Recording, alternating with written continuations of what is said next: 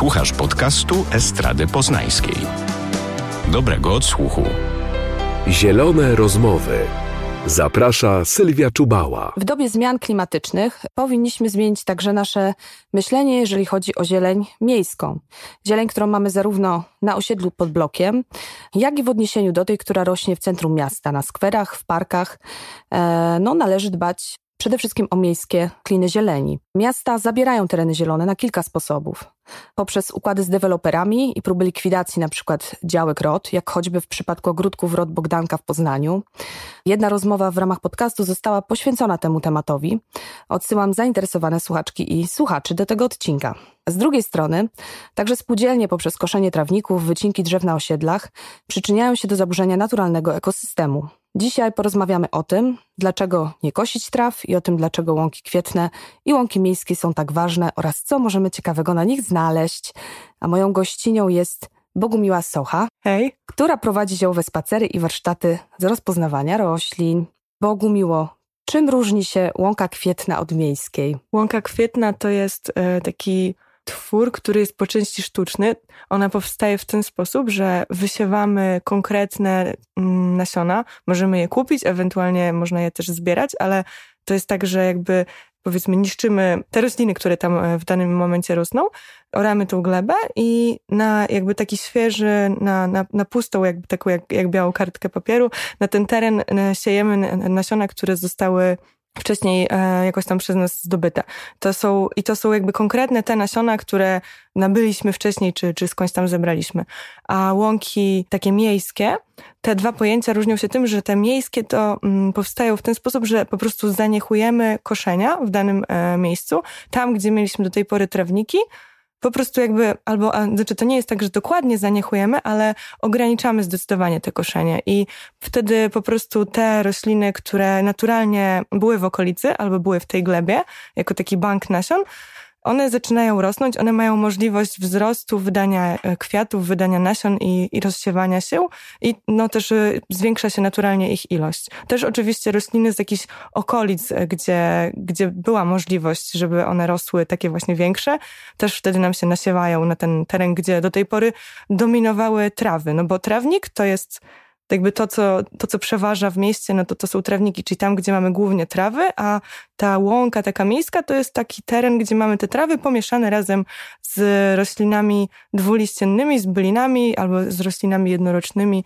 czy dwuletnimi. No bo to jest tak, że faktycznie ta łąka kwietna w domenie mieszkańców to jest, jest czymś takim atrakcyjnym, prawda? Tam tak. rosną różnorodne rośliny, a tutaj nagle dowiadują się, że niedaleko ich miejsca zamieszkania wysiewana jest, znaczy ma powstać, powiedzmy, nie wysiewana, tylko ma powstać łąka z, nie, z niekoszenia traw. Liczą na to, że tam wyrosną jakieś piękne okazy, a tam głównie miszek lekarski, trawa. E, no i tutaj rodzą się takie wątpliwości. Znaczy niektórzy mają takie wątpliwości, że jest to, jest to mało estetyczne. Czyli chodzi też o taką zmianę postrzegania e, naszego. Mhm, tego, tak, czym jest tak jest taki stereotyp, że ta łąka kwietna i, i to widzimy na takich e, zdjęciach gdzieś w internecie pokazywanych albo na opakowaniach z tymi łąkami kwietnymi, że tam są same praktycznie kwiaty, a takie coś to można uzyskać bardziej w ogrodzie, gdzie ma się jakąś rabatę i to też nawet nawet nie z bylinami, tylko z roślinami jednorocznymi, gdzie jakby bardzo dużo inwestujemy w to, żeby te rośliny non-stop kwitły. No bo co zrobić, żeby, nie wiem, pelargonie kwitły na balkonie? Trzeba im dolewać właściwie co tydzień nawozu. One naturalnie, żadna roślina praktycznie naturalnie tak cały czas nie będzie kwitła. No jeszcze w naszym klimacie to jest też jakby że w takich bardzo ciepłych miejscach, no to są w stanie rośliny jakiś tam czas kwitnąć. I tak samo jest z tymi łąkami, że one po prostu naturalnie jakby funkcjonują i wtedy tych kwiatów nie będzie aż tak dużo, więc ten efekt, on często jest spektakularny, ale przez jakiś krótki czas. No na tym to polega, to jest taka zmienność w przyrodzie. Czyli jak dbać o te łąki, które mamy najbliżej siebie, czyli takie naturalne, czyli te, które powstają właśnie z niekoszenia traw? To znaczy z tego, co jakby robiłam research, no to wskazane jest wręcz jakby nie dbanie o nie, w sensie należy zaprzestać nawożenia ich. Też kiedy taką łąkę się skosi, to należy wywieźć e, ten skoszony, skoszoną materię, bo normalnie w przyrodzie to jest tak, że rośliny jakby w pewnym momencie, nie wiem, na jesieni sobie giną i te, nie wiem, liście z nich opadają i to się wszystko rozkłada w glebie i to nawozi nam tą glebę, dzięki czemu ona jest bardziej żyzna. A w przypadku łąk, z tego właśnie co, co udało mi się zgromadzić informacje, to wręcz należy typowo wygrabiać tą masę zieloną właśnie po to, żeby te łąki nie były zbyt żyzne, że to właśnie sprzyja temu, że tam są wtedy naturalne takie rośliny specyficzne dla łąki. No i łąka, żeby nie stała się, bo jakby natura w naszym klimacie dąży do tego, żeby dany teren stał się mniej więcej lasem, czymś w okolicach lasu, na większości jakby przestrzeni pomijając jakieś takie miejsca, gdzie jest właśnie, nie wiem, erozja, czy, czy blisko może rzeki, czy, czy coś takiego, ale generalnie u nas to wszystko będzie dążyło do jakiegoś takiego zarośnięcia i właśnie zmienienia się najpierw mamy taki nieużytek z nawłociami głównie, z takimi większymi bylinami, potem tam się pojawiają krzewy i drzewa. No i żeby nie mieć takiego czegoś, tylko mieć łąkę, musimy ten teren kosić. I też jakby z tego, co się e, kiedyś tam orientowałam, to są łąki, które się kosi raz w roku i dwa razy do roku, że to jest jakieś takie, w tradycji przynajmniej naszej, takie, mm, takie rozróżnienie. I tutaj mamy koszenie wtedy na wiosnę albo na jesieni, albo właśnie dwa razy gdzieś tam w tych terminach. Też jakby z tego, co czytałam, ten pierwszy termin koszenia to jest względny, bo mm, na przykład Wiem, że warto czasami poczekać do czerwca, bo pewne rośliny się wysieją, czasami warto trochę szybciej, a czasami gdzieś tam słyszałam, że mm, ktoś mówił, że należy do lipca czekać, bo tam z kolei jakieś zwierzęta miały rozród swój. Czyli to jest taka wielopoziomowa sprawa, bo tak naprawdę e, no poprzez to koszenie niszczymy miejsce żerowania na przykład owadów, tak, tak. E, płazów, ptaków, y, no to też ma wpływ na suszę, bo jednak łąki zachowują tą wodę i, i, i tak naprawdę y, ma to takie swoje oddziaływanie też, jeżeli chodzi właśnie o ten taki układ hydrologiczny naturalny w naturze. E, no nie wspomnę już o tym, że koszenie też wyzwala ten dwutlenek węgla do atmosfery, czyli jakby też i generuje hałas generalnie, więc lepiej tego zaniechać. Znaczy jakby to, co stosujemy w Poznaniu, moim zdaniem jest dość sensowne, no bo jakby nie, mm, nie zużywamy funduszy na kupowanie tych tam nasion, e, jakichś tam mieszanek e, łąk, nie zużywamy jakiejś tam energii na zdarcie tej wierzchniej warstwy gleby i, i roślin, które tam do tej pory żyją, więc no jakby jej energii, to jest jakaś praca na etacie jakichś pracowników, tylko po prostu ograniczamy sobie koszenie. I jednocześnie też mamy tą właśnie oszczędność na tym dwutlenku węgla, na, na płacy dla jakichś tam pracowników i no też mamy właśnie bardziej taki Dokładnie, że taki e, bardziej większa jest bioróżnorodność na tym terenie, mamy, mamy więcej tej właśnie większą odporność na suszę, a okej, okay, w tym zeszłym roku no to tak nie było, ale przez poprzednie lata to mamy straszne problemy z suszą w Poznaniu. Przecież u nas jest ten problem, że Wielkopolska stepowieje, prawda? I, I też w mieście jest bardzo duży problem z wyspą ciepła, że właśnie zwłaszcza w centrum ta temperatura jest chyba 8 stopni, w niektórych miejscach wyższa niż na obrzeżach miasta, nie, nie gdzieś na polach. To jest naprawdę taka bardzo duża różnica i jakby zwiększając masę takiej zieleni, bo to też właśnie dokładnie nie chodzi o to, że to jest tylko trawnik, ale też jest ważne rozróżnienie między łąką a trawnikiem, czy między jakimiś zaroślami. Im więcej tej masy zielonej, tym jest to korzystniejsze dla, dla miasta, właśnie ze względu na to, że ta te tereny gromadzą wodę i ona jak powoli paruje, to obniża temperaturę i też nawilża jakby no, swoje okolice. Czyli po prostu też w tych miejscach jest chłodniej siłą rzeczy. Tak, tak, tak. I jest też taka też... przyjemna, mhm. taka wilgoć, prawda? Jest odczuwalna zawsze przy, przy jakiejś tam zielo, zieleni generalnie. Mhm. Także y, lepiej to koszenie faktycznie zminimalizować. E, ty wspomniałaś o tym, że to się zmienia i w mieście faktycznie tutaj społecznicy, czy Koalicja za Zieleń Poznań, no jakby walczą o to, żeby utrzymać te tereny, tereny zielone, żeby tam właśnie nie kosić tych traw. Myślę, że miasto gdzieś e, teraz właśnie silnie, no jakby słucha tych, tych, tych głosów społecznych, takich tak, oddolnych i gdzieś te łąki miejskie pojawiają się. Ja z kolei jestem członkinią Centrum Inicjatyw Lokalnych Piątkowo Wschód e, i my razem z dziewczynami w naturze ostatnio podjęłyśmy z kolei temat właśnie y, związany z, z, z dbałością o zieleń w tych rejonach osiedlowych, których zarządcami są jakby administracje, tak, czy spółdzielnie. No i, i trafili do nas ostatnio tacy społecznicy, tutaj z osiedla Śmiałego i Batorego, którzy bardzo zaniepokojeni są tym właśnie, w jaki sposób spółdzielnia do tego podchodzi. Myślę tutaj właśnie o nieumiejętności mm, jakby dbania o tą zieleń. Pojawiły się takie zarzuty o jakby za dużą przycinkę drzew, o właśnie koszenie tych trawników, co jakby zakończyło się właśnie uszkodzeniem tak naprawdę tych roślin. I pracujemy teraz nad tym, żeby, żeby tak naprawdę stworzyć jakiś rodzaj takich dobrych praktyk, które byłyby w postaci jakichś punktów, jakiś list, jakiejś informacji, które zostałyby przesłane do właśnie mm, administracji osiedli, myślę tutaj o Piątkowie, ale również nad takimi szkoleniami, które miałyby na przykład, e, zostałyby przeprowadzone wśród osób, które zajmują się tę zielenią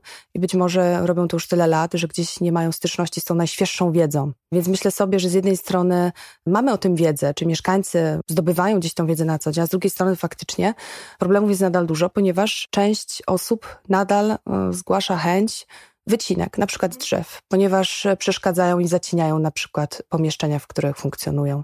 Także myślę, że skala problemu jest, jest duża i refleksje na ten temat są bardzo różne. Z tego, co czytałam, to w 2009 roku w Niemczech przeprowadzono takie badanie, odnośnie tego, jak na przykład ludzie te właśnie łąki postrzegają, tam jakby, czy widzą w tym jakby teren taki atrakcyjny, czy taki nieuporządkowany, i jak tutaj ta spółdzielnia być może.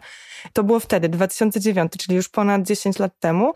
I podobno w Niemczech to, gdzie oni też są tacy bardziej uporządkowani niż my, i podobno wtedy było 50 na 50, czyli że połowa ludzi była za tymi łąkami, połowa przeciwko. Wtedy ten nurt myślę, że nie był u nich nawet taki jakiś jeszcze bardzo nie wiem, głośny, popularny. Także to pokazuje, że jednak dużo ludzi uważa, że warto te tereny zostawić. Być może oni nie przebijają się do tego mainstreamu, nie wiem, a też no jakby jeżeli dziesięciu osobom łąka się podoba, ale dwóm nie, a te, te dwie mają kosiarkę, no to one przyjdą i skoszą, nie? Jakby łatwiej jest, myślę, przyciąć tę zieleń niż żeby ona cały czas była, nie? Tak, dlatego podobają mi się takie działania oddolne i podobają mi się takie inicjatywy, y, jakby w które ty też jesteś zaangażowana. To znaczy, myślę, że poprzez e, twoje na przykład takie spacery zielarskie i twoją taką pracę na ziołach, jakby w ogóle interesowanie się tym tematem i upowszechnianie też tej wiedzy, inspirujesz też inne osoby, to znaczy pokazujesz im, o tym też już kiedyś rozmawiałam w ramach mojego podcastu z Anką Gruszką, właśnie Dziewczyny w Naturze, że to są takie działania, które mają za zadanie pokazanie innym, jak bardzo ważna jest ta przyroda, ta część natury, której my nie doceniamy na co dzień, którą często traktujemy właśnie jako rodzaj chwastu, czyli użytek. I myślę, że tutaj właśnie zioła pełnią taką rolę, że jest e, taki zwrot w stronę tego zielarstwa, się zainteresowania tym, hello, może to nie wygląda tak atrakcyjnie, prawda, jak twoje balkonowe rośliny, ale jest bardzo wartościowe. Tak, no też jakby takie pojmowanie tej łąki, że to są same chwasty, no to wynika z tego, że ludzie w ogóle, bardzo dużo ludzi nie umie kompletnie odróżnić, co tam rośnie.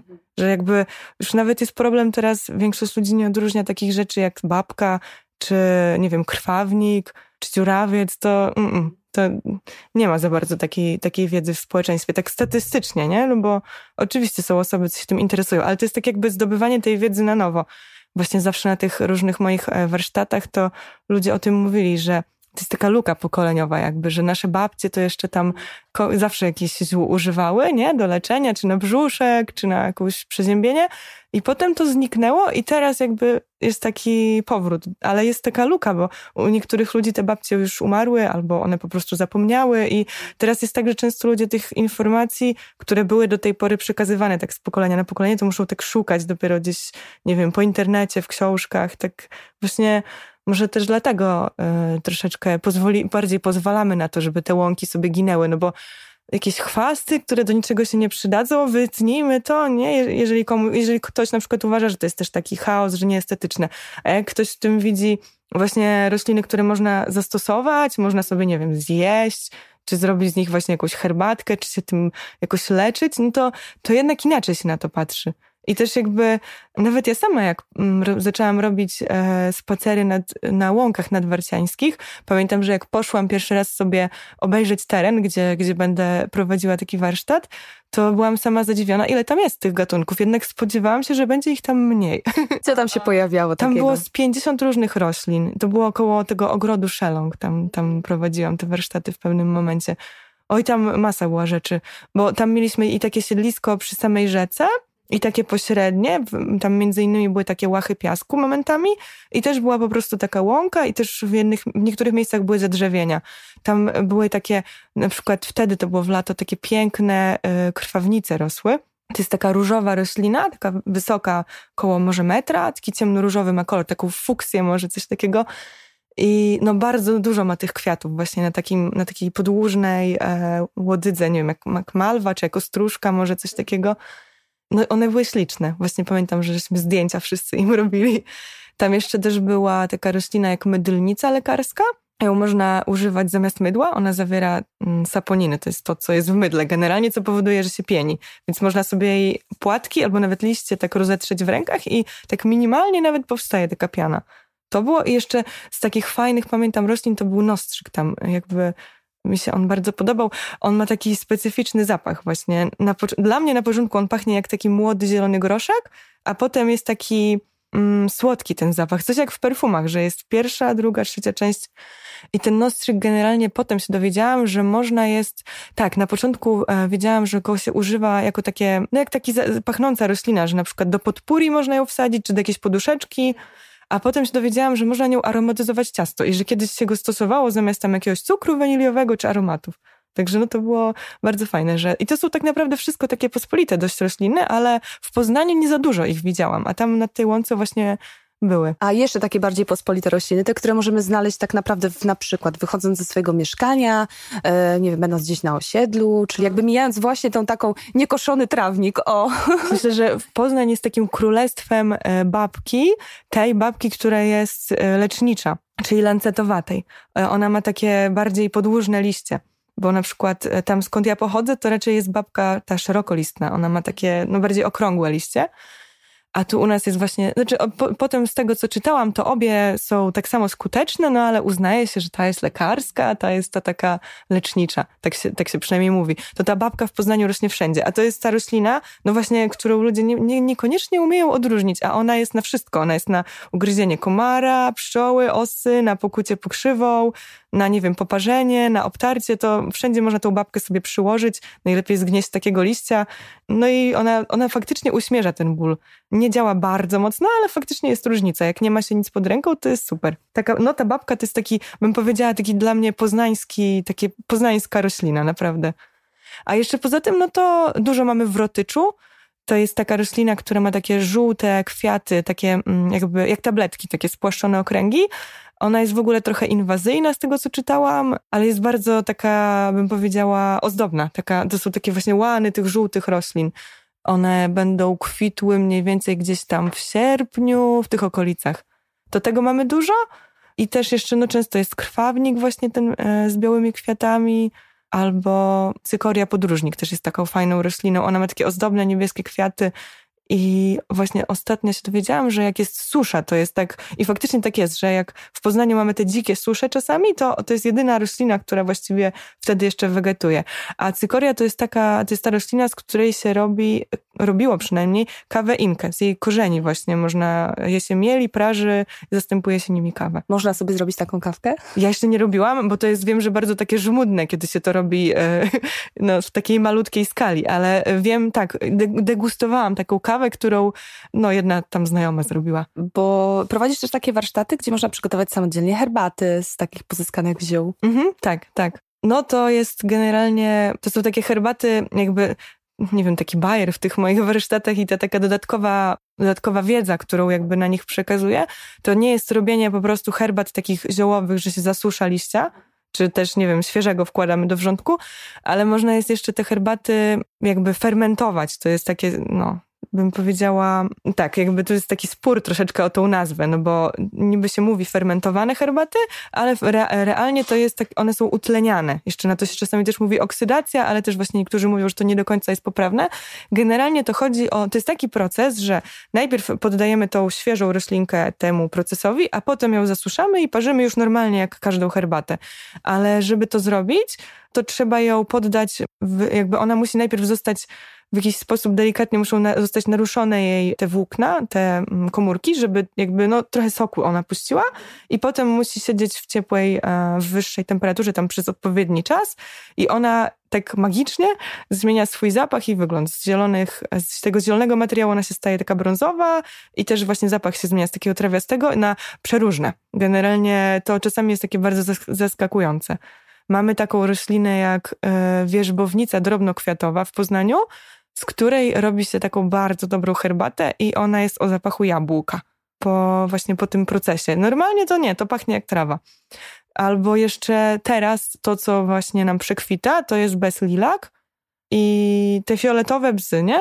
To można jest zbierać ich kwiaty, tylko że trzeba je oderwać od szypułek, bo ich liście tam nie są, chyba są trochę trujące. I jakby same te kwiaty się zbiera i też te, je się właśnie tak fermentuje. I one, no nie wiem, to jest taka magia, jak one pachną. To jest takie karmelowe, coś takiego, ten ich zapach. To ta, normalnie ta roślina nie ma takiego zapachu właśnie.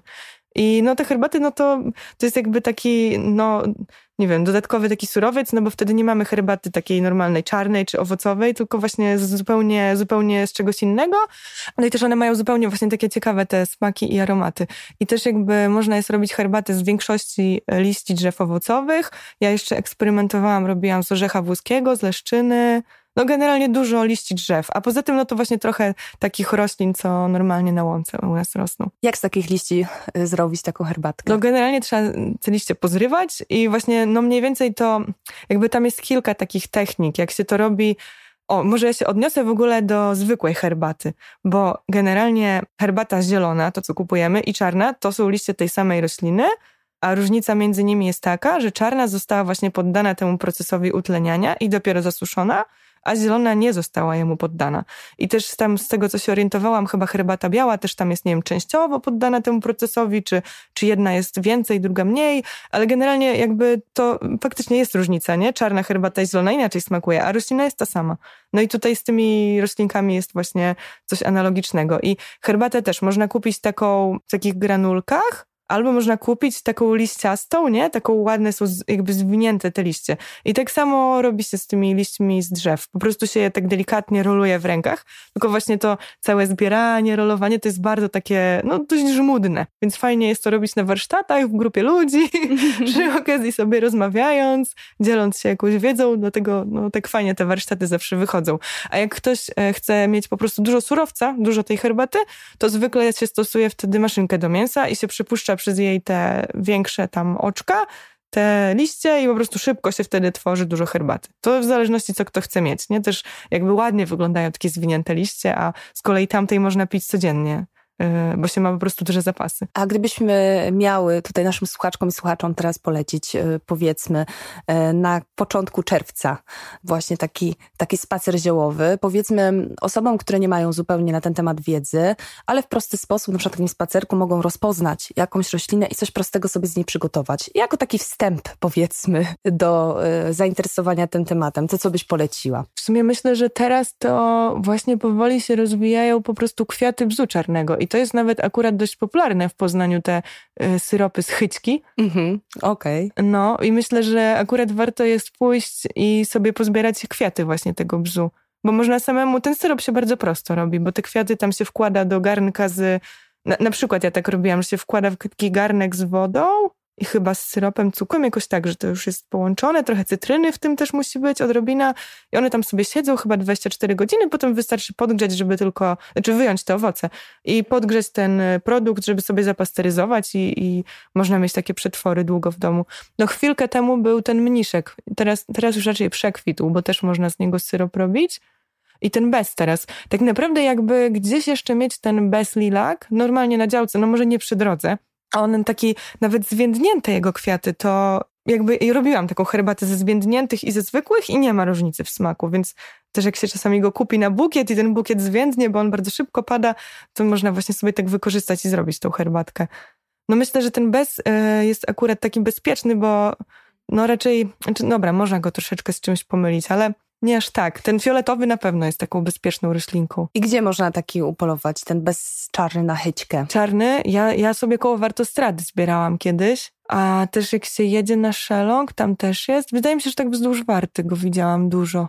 Ale generalnie on ma, no, ma białe kwiaty, takie dość charakterystyczne, ich jest dużo i on gdzieś tam będzie zawsze na, albo właśnie tak na słońcu, albo gdzieś na skraju y, jakichś tam lasów czy zadrzewień, i też zawsze, a przy jakichś starych właśnie domach, gdzieś przy wsiach, albo tam, gdzie było kiedyś jakieś siedlisko, to tam na pewno będzie jako taka pozostałość właśnie po, po działalności człowieka. Czyli nie chodzi o ten fioletowy? Znaczy z fioletowego można robić tą herbatę, mm, właśnie fermentować te jego kwiaty, tylko mówię, od, trzeba je oddzielić od szypułek, a z tego białego można sobie zrobić syrop po prostu chyćkowy. I na co taki syrop się nada? On wiem, że obniża ciśnienie i analogicznie działa w miarę do, podobnie do tych, e, do syropu też z owoców z bzu, czyli wtedy można go stosować na przeziębienie. Tak leczniczo po prostu. Leczniczo. Super, świetna sprawa. Zamiast kupować można przejście na spacerek, tym bardziej, że pogoda ostatnio dopisuje e, i zebrać sobie troszeczkę chyćki. Dziękuję Ci bardzo za tą rozmowę. Dziękuję. Także, no ja też zapraszam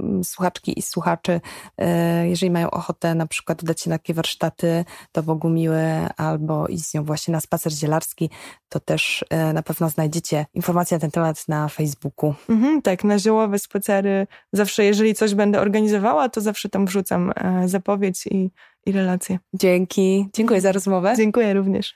Producentem podcastu jest Estrada Poznańska. Więcej na estrada.poznan.pl Zielone rozmowy.